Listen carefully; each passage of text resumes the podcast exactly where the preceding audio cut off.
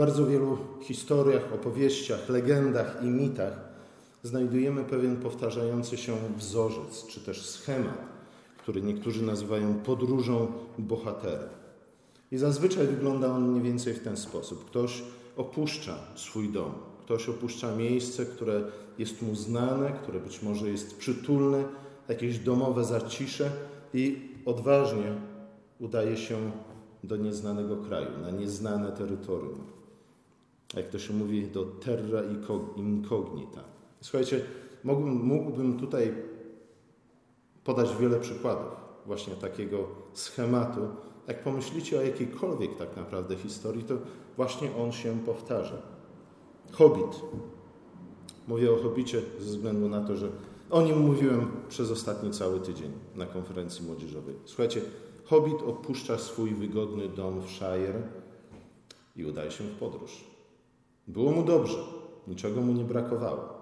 Inni hobbici przychodzą do niego i pytają się, dokąd to, dokąd się wybierasz, ze względu na to, że żaden hobbit wcześniej nigdy się nie udał w żadną podróż, a już na pewno nie w poszukiwaniu przy, przygody. Ale Bilbo mówi dokładnie o to chodzi. Nie tylko, że udają się w podróż, ale tak naprawdę udają się na poszukiwanie przygody. I zostawia ze sobą to, co znane, udając się tam, czy też ku nieznanemu. W czasie tej podróży bohater napotyka wiele różnych przygód, niebezpieczeństw, spotka wielu wrogów, musi zdobyć jakąś nową wiedzę, musi zawiązać jakieś nowe, nowe sojusze, musi znaleźć przyjaciół. Jeśli jest wytrwały, bo wytrwałość tak naprawdę tutaj jest kluczową cechą, jeśli jest wytrwały, może jednak mimo wszystko pokonać wszystkich swoich wrogów, wszystkich swoich przeciwników, wszystkie przeszkody na tej drodze.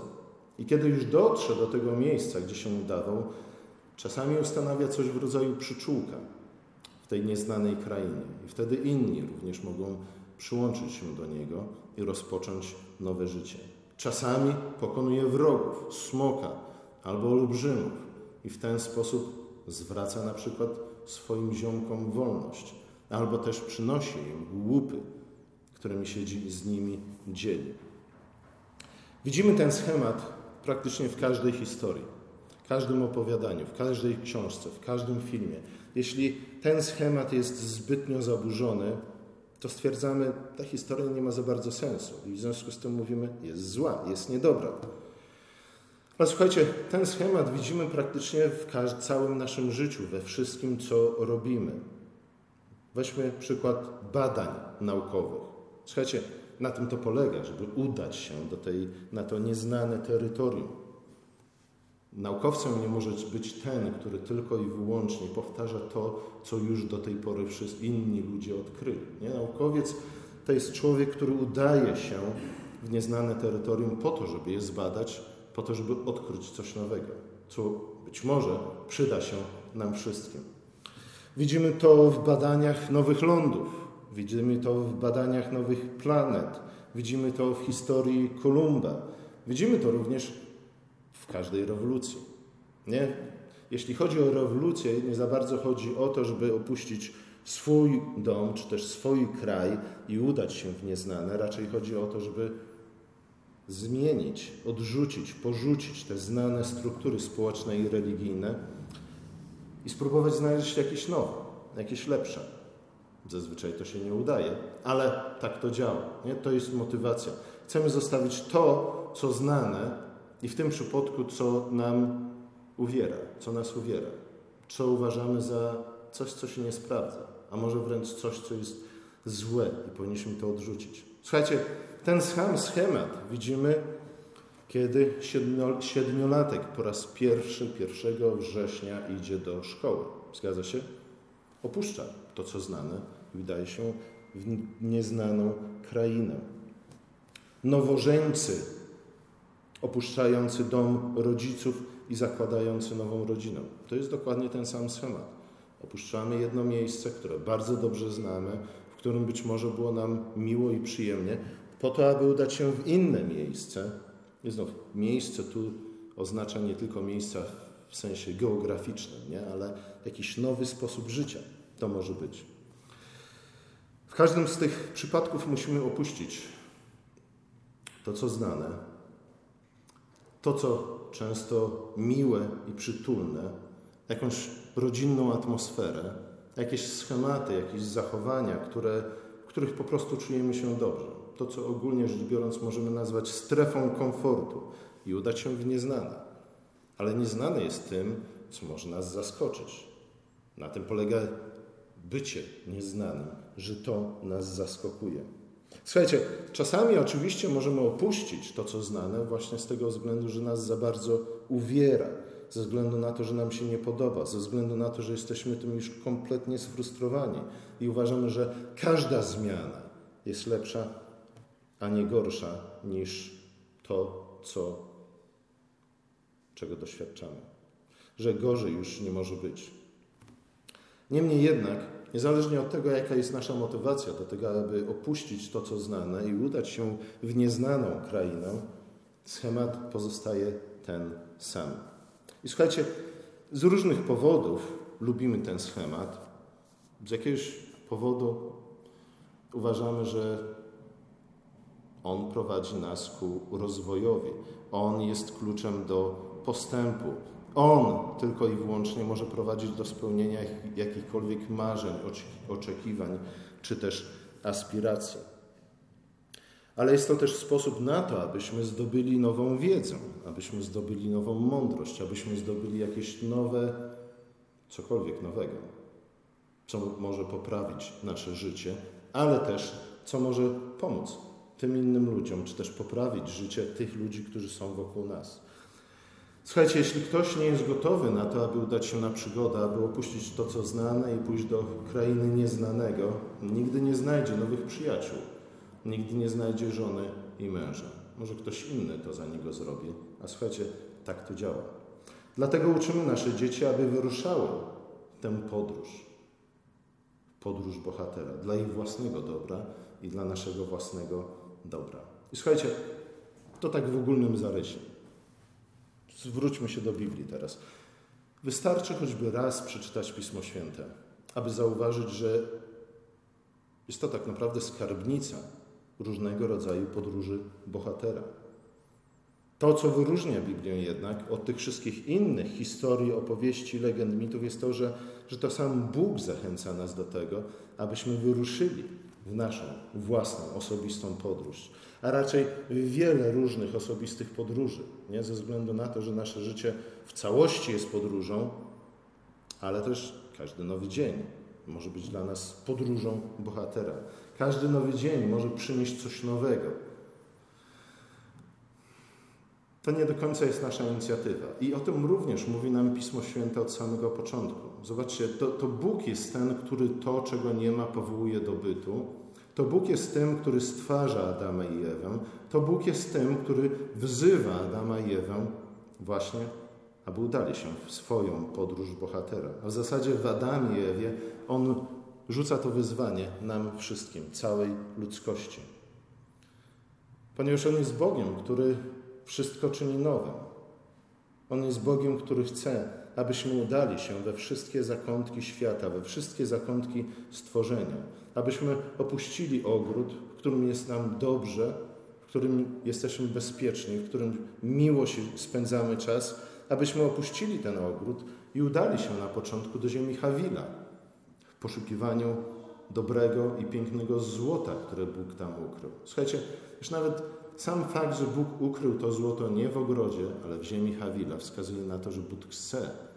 Bóg chce, abyśmy nie tyle siedzieli tu i czy też tam, gdzie nam jest dobrze, ale abyśmy szli naprzód, abyśmy szukali tego, co dobre, abyśmy poznawali, abyśmy, jak już znajdziemy to złoto kraju Hawila, poszli jeszcze dalej i badali jeszcze dalej, w nieznane. Słuchajcie, Bóg nieustannie wzywa nas jako swoje dzieci, abyśmy dążyli do tego, co większe, co lepsze, abyśmy opuszczali miejsca, w których się dobrze czujemy, abyśmy badali, abyśmy poznawali, abyśmy studiowali, abyśmy zdobywali nową wiedzę, abyśmy odrzucali nasze, nasze, nasze co? Słuchajcie, Nie ja miałem dzisiaj mówić kazanie, więc jeśli to kazanie będzie trochę niezrozumiałe dla Was albo popolątane, to dlatego, że e, po podróży musiałem dopiero dzisiaj rano się szykować. Abyśmy odrzucali nasze, co jest przeciwieństwem cnoty? Wady. O, abyśmy odrzucali nasze wady i zdobywali nowe cnoty, abyśmy wzrastali z chwały w chwałę. Do tego Bóg nas wzywa. I słuchajcie, człowiek, który mówi nie, ja już wszystko poznałem, niczego nie muszę się nauczyć. Ja już zjadłem wszystkie rozumy. Albo człowiek, który mówi, a ja już niczego nowego się nie, nie muszę nauczyć. Nie? Ja jestem tylko i wyłącznie w tej chwili po to, aby wam mówić, jak powinno wyglądać wasze życie. Nie? Ten człowiek w pewnym sensie popełnia grzech. I to jeden z największych grzechów, jaki może popełnić, ponieważ odrzuca to boskie wezwanie do podróży bohatera. W liście do Hebrajczyków, w tym fragmencie, który przed chwilą przeczytaliśmy, 11 rozdział od 8 do 12 wersetu, słuchajcie, autor mówi tam o Abrahamie jako naszym ojcu w wierze. I cały ten fragment jest pełen historii bohaterów, których życie wyglądało właśnie w ten sposób, podążało za tym schematem, który nazywamy podróżą bohatera. Abraham jest tutaj głównym przykładem, ale nie jedynym. Właśnie w ten sposób, między innymi, powinniśmy myśleć o wierze i o życiu wiary, jako o podróży bohatera. Autor tego listu na samym początku 11 rozdziału, w pierwszym wersecie w ten sposób definiuje wiarę. A wiara jest podstawą tego, czego się spodziewamy i dowodem tego, czego nie widzimy. Słuchajcie, to jest dokładnie to, o czym mówią. Bóg wzywa nas, abyśmy udali się w miejsca, których nie znamy. Abyśmy uczynili to ze względu na to, że On nas powołuje do tej podróży. Możemy powiedzieć, że autentyczna wiara w związku z tym zawsze wiąże się z podróżą, z przygodą, z ryzykiem, z próbowaniem czegoś nowego, z pójściem naprzód ku nieznanemu. Oczywiście mamy to czynić w posłuszeństwie Bożemu Słowu, ale ta podróż Abrahama z grubsza pokazuje nam, jak to wygląda, jak to ma, jak to się odbywa. Abraham niezbyt wiedział o tym, dokąd się ma udać, a nie jak będzie wyglądać to miejsce, któremu się uda. Nie wiedział, co spotka go po drodze. Nie wiedział, jak ta kraina będzie wyglądać. Nie wiedział, kiedy jemu, czy też jemu potomstwu uda się zająć tę całą, y, całą ziemię. To wszystko dla Abrahama było nieznane. Jedyne, co znał, to wezwanie i obietnice, które otrzymał od Boga. I słuchajcie, Abraham, kiedy Bóg wezwał go na tę przygodę miał już 75 lat. Ja wiem, że w tamtych czasach ludzie żyli trochę dłużej, ale słuchajcie, mimo wszystko, te 75 lat to nie był młody wiek. Zwłaszcza, że jak czytamy w 12 wersecie, i on, i Sara, która była mniej więcej 10 lat młodsza od niego, e, byli generalnie rzecz biorąc jak martwi. Ich ciała były obumarłe. Ten tekst to podkreśla, zresztą nie tylko ten tekst. Oczywiście w kontekście obietnicy syna. Niemniej jednak wiemy, że byli już starymi ludźmi. Tego nie dało się ukryć. Słuchajcie, nie wiem jak wiele osób w wieku 75 lat znacie. Niektórzy rzeczywiście są takimi jeszcze wciąż żwawymi i to nawet nie staruszkami, ale niektórzy ludzie w wieku 70 lat stają rano e, po swojej toalecie i śniadaniu ubierają się, a może wcześniej się ubierają, to nie jest ważne. E, I jak wygląda cały ich dzień? Jest tak naprawdę oczekiwaniem na wieczór, żeby mogli się rozebrać i z powrotem pójść spać. Nie? Często ludzie w podeszłym wieku tylko i wyłącznie czekają już na to, aby minął kolejny dzień i aby w końcu to się wszystko skończyło. Dla Abrahama te 75 urodziny były początkiem nowego życia. Był początkiem nowego przygody, nowej przygody. Mimo, że był w zasadzie jak martwy. Nie mógł mieć potomstwa, nie mógł mieć dzieci, ani on, ani Sara. A jednak te 75 lat oznaczało początek nowego życia dla Abrahama. I Abraham posłuchał tego wezwania i opuścił swój dom. Opuścił miejsce, w którym było mu dobrze. Abraham nie był biedny. Abraham nie opuścił Ur ze względu na to, że źle mu się tam żyło, wręcz przeciwnie. I może właśnie dlatego jest wskazany, ukazany nam jako ojciec wiary. Gdyby opuścił to miejsce dlatego, że było mu tam źle, w pewnym sensie nie byłby nikim szczególnym. Nie? Na tym polega sztuka wiary, żeby opuszczać miejsca, w których jest nam dobrze. Opuścił to miejsce i udał się w daleką, daleką wędrówkę do ziemi obiecanej, o której wcześniej nic nie słyszał, nawet nie wiedział, że ona istnieje. A nawet kiedy Bóg wezwał go do tej podróży, Abraham zbyt wiele nie wiedział o, tej, o tym miejscu. Wszystko tak naprawdę, co wiedział, to to, że Bóg chce, aby się tam udał. Jak można się spodziewać po każdej historii, czy też po przygodzie każdego bohatera, także Abraham napotkał wiele niebezpieczeństw, wiele przeszkód, wielu wrogów, wielu przeciwników. Abraham dzięki temu stawał się coraz bardziej dojrzałym człowiekiem. Abraham dzięki temu jego cnoty stawały się coraz bardziej okrzepłymi. Abraham dzięki temu stawał się człowiekiem coraz mądrzejszym i dojrzalszym, coraz silniejszym. Abraham zaufał Bogu i odważnie poszedł w nieznane. Z podróży tego bohatera wyszedł cały lud Izraela, a później wyszedł cały Kościół, czyli my, ciało Chrystusa. To my jesteśmy owocem decyzji tego jednego człowieka, aby opuścić to, co znane, aby opuścić miejsce, w którym dobrze mu się żyło. I generalnie rzecz biorąc, miał żadnych powodów, oprócz wezwania, które otrzymał od Boga, żeby je porzucić. I słuchajcie, właśnie od decyzji tego jednego 75-letniego człowieka, który w gruncie rzeczy był już niemalże jedną nogą w grobie. Słuchajcie, my jesteśmy z tego powodu dzisiaj z tego powodu istnieje Kościół, z tego powodu istnieje cała chrześcijańska cywilizacja. Nie? Ze względu na jednego starego człowieka, który powiedział: No dobrze, wyjdę z domu, zrobię ten jeden krok, udam się w nieznane, posłucham tego, co Bóg mi mówi. W ten sposób również list do Hebrajczyków ukazuje owoc jego podróży w 12 wersecie. Mowa jest o tym, że właśnie z tego jednego człowieka, który w gruncie rzeczy był już jedną nogą w, w, w grobie, ponieważ zostawił to, co znane, i tak jak Bóg chciał, udał się w nieznane, narodziło się potomstwo tak liczne, jak gwiazdy na niebie i tyle, ile ziaren piasku nad brzegiem morza. My wszyscy jesteśmy owocem właśnie przygody jednego starego człowieka.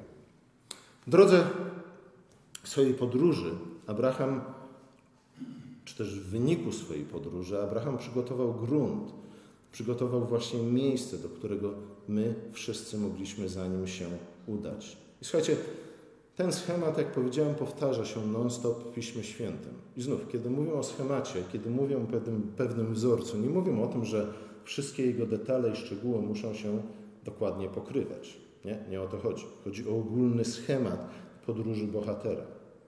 Pomyślmy o Jakubie, pomyślmy o Józefie, pomyślmy o Mojżeszu, o Jozuem, o Dawidzie. I mógłbym tak bez końca wymieniać. Jeśli przyjrzymy się ich życiu, to zobaczymy, że tak naprawdę kwintesencją ich życia jest dokładnie to samo, co widzimy na przykładzie Abrahama. Zostawili miejsca, w którym było im dobrze, po to, aby udać się w nieznane miejsce, ponieważ Bóg im powiedział, że tam będzie jeszcze lepiej. Jest takie powiedzenie semper major. Zawsze więcej, zawsze wyżej, zawsze lepiej. Słuchajcie, na pierwszy rzut oka to może, może się wydawać, że o, to nie ma nic wspólnego ze skromnością, którą powinien każdy chrześcijanin się szczycić, ale to zależy nie? od tego, czego więcej chcemy.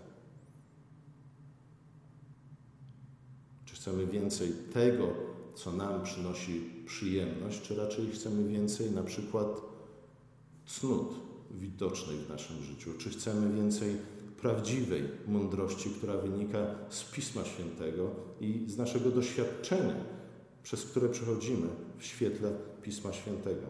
Zawsze więcej. Słuchajcie, tak naprawdę ktoś, kto chce się zadowolić tym, co ma, tym, kim jest, odrzuca tę ścieżkę wiary, którą wskazał nam Abraham. Słuchajcie, zawsze więcej, semper majer, to powinien być nasz, nasza maksyma, nasz okrzyk bojowy, jeśli chcemy być bohaterami wiary. Zawsze więcej możemy zrobić dla Boga, prawda? Jeśli tak na to spojrzymy, to widzimy, że nie ma tu absolutnie nic z pychy i nic z egoizmu. Zawsze więcej możemy zrobić dla naszych bliźnich, czyż nie? Nie ma absolutnie ani jednej osoby na świecie, która nie mogłaby choćby jednego jeszcze dobra wyświadczyć swojemu bliźniemu. Zawsze więcej możemy zrobić sami dla siebie, czegoś dobrego. Nie? Możemy czy nie możemy? Choćby o ciupinkę. I to jest właśnie to wyzwanie. Ale znów w tej podróży bohatera, jeśli to jest pozytywny bohater, on udaje się w tę, w tę podróż nie tylko i wyłącznie dla własnego dobra, a już na pewno to dobro nie jest zdefiniowane w kategoriach egoistyczno-narcystycznych. Nie? On zawsze udaje się w, tą, w tę podróż dla dobra innych. Czy to dla dobra swoich ziomków, czy to dla dobra swojej rodziny, czy to dla dobra swojej siostry i brata z kościoła. Jakby przy okazji, jakby po drodze, wręcz nawet niechcący, sam zyskuje bogactwo, chwała, mądrość dzięki tej podróży.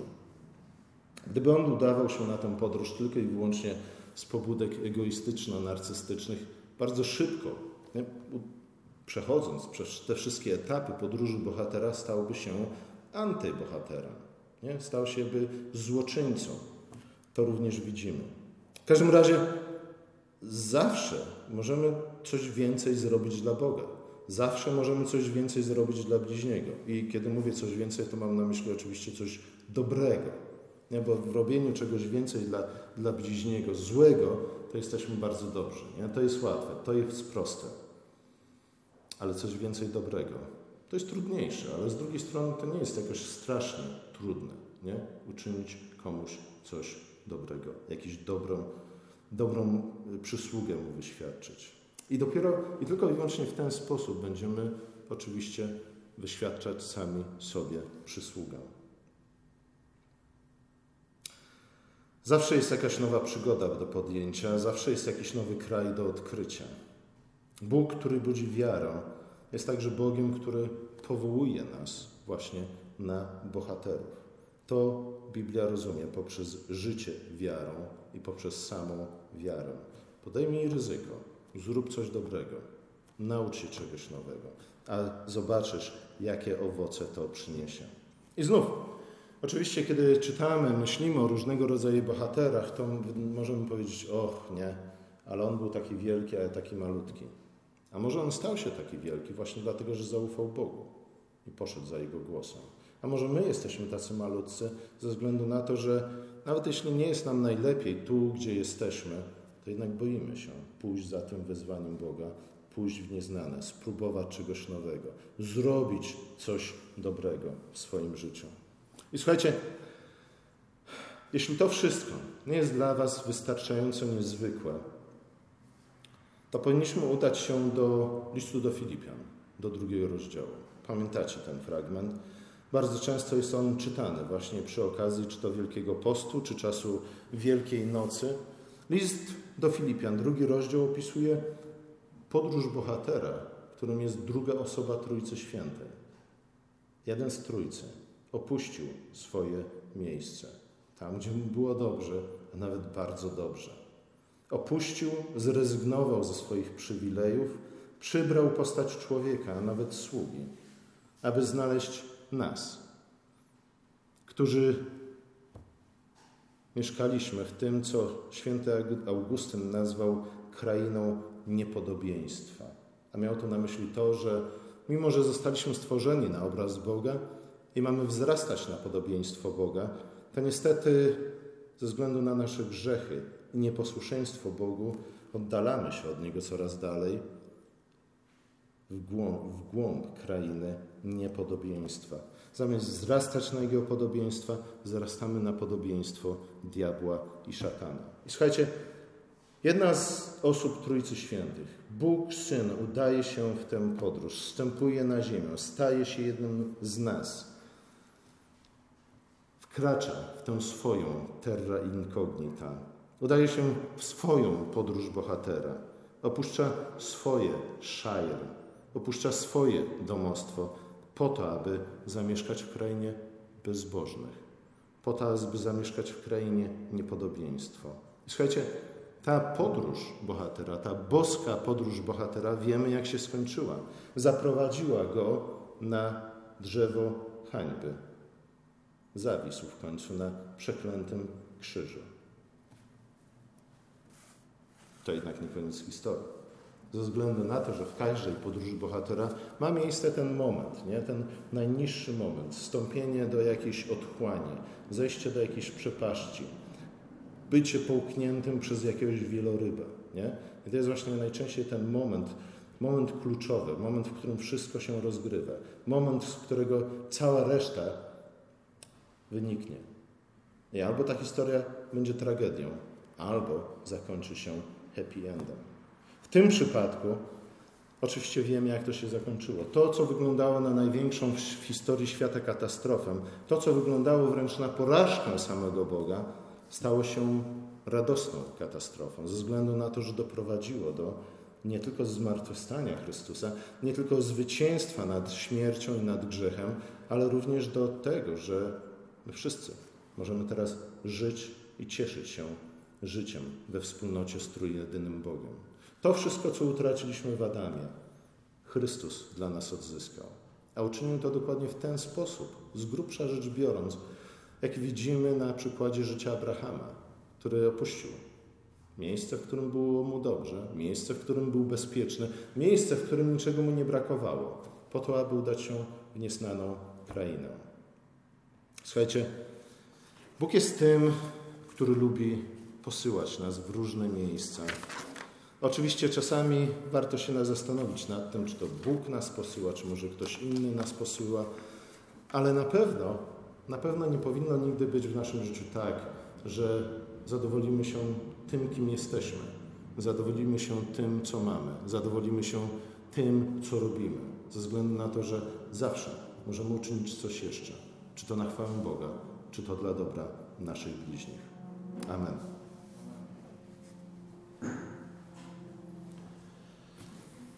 Zaśpiewajmy pieśń, zbierzemy nasze ofiary.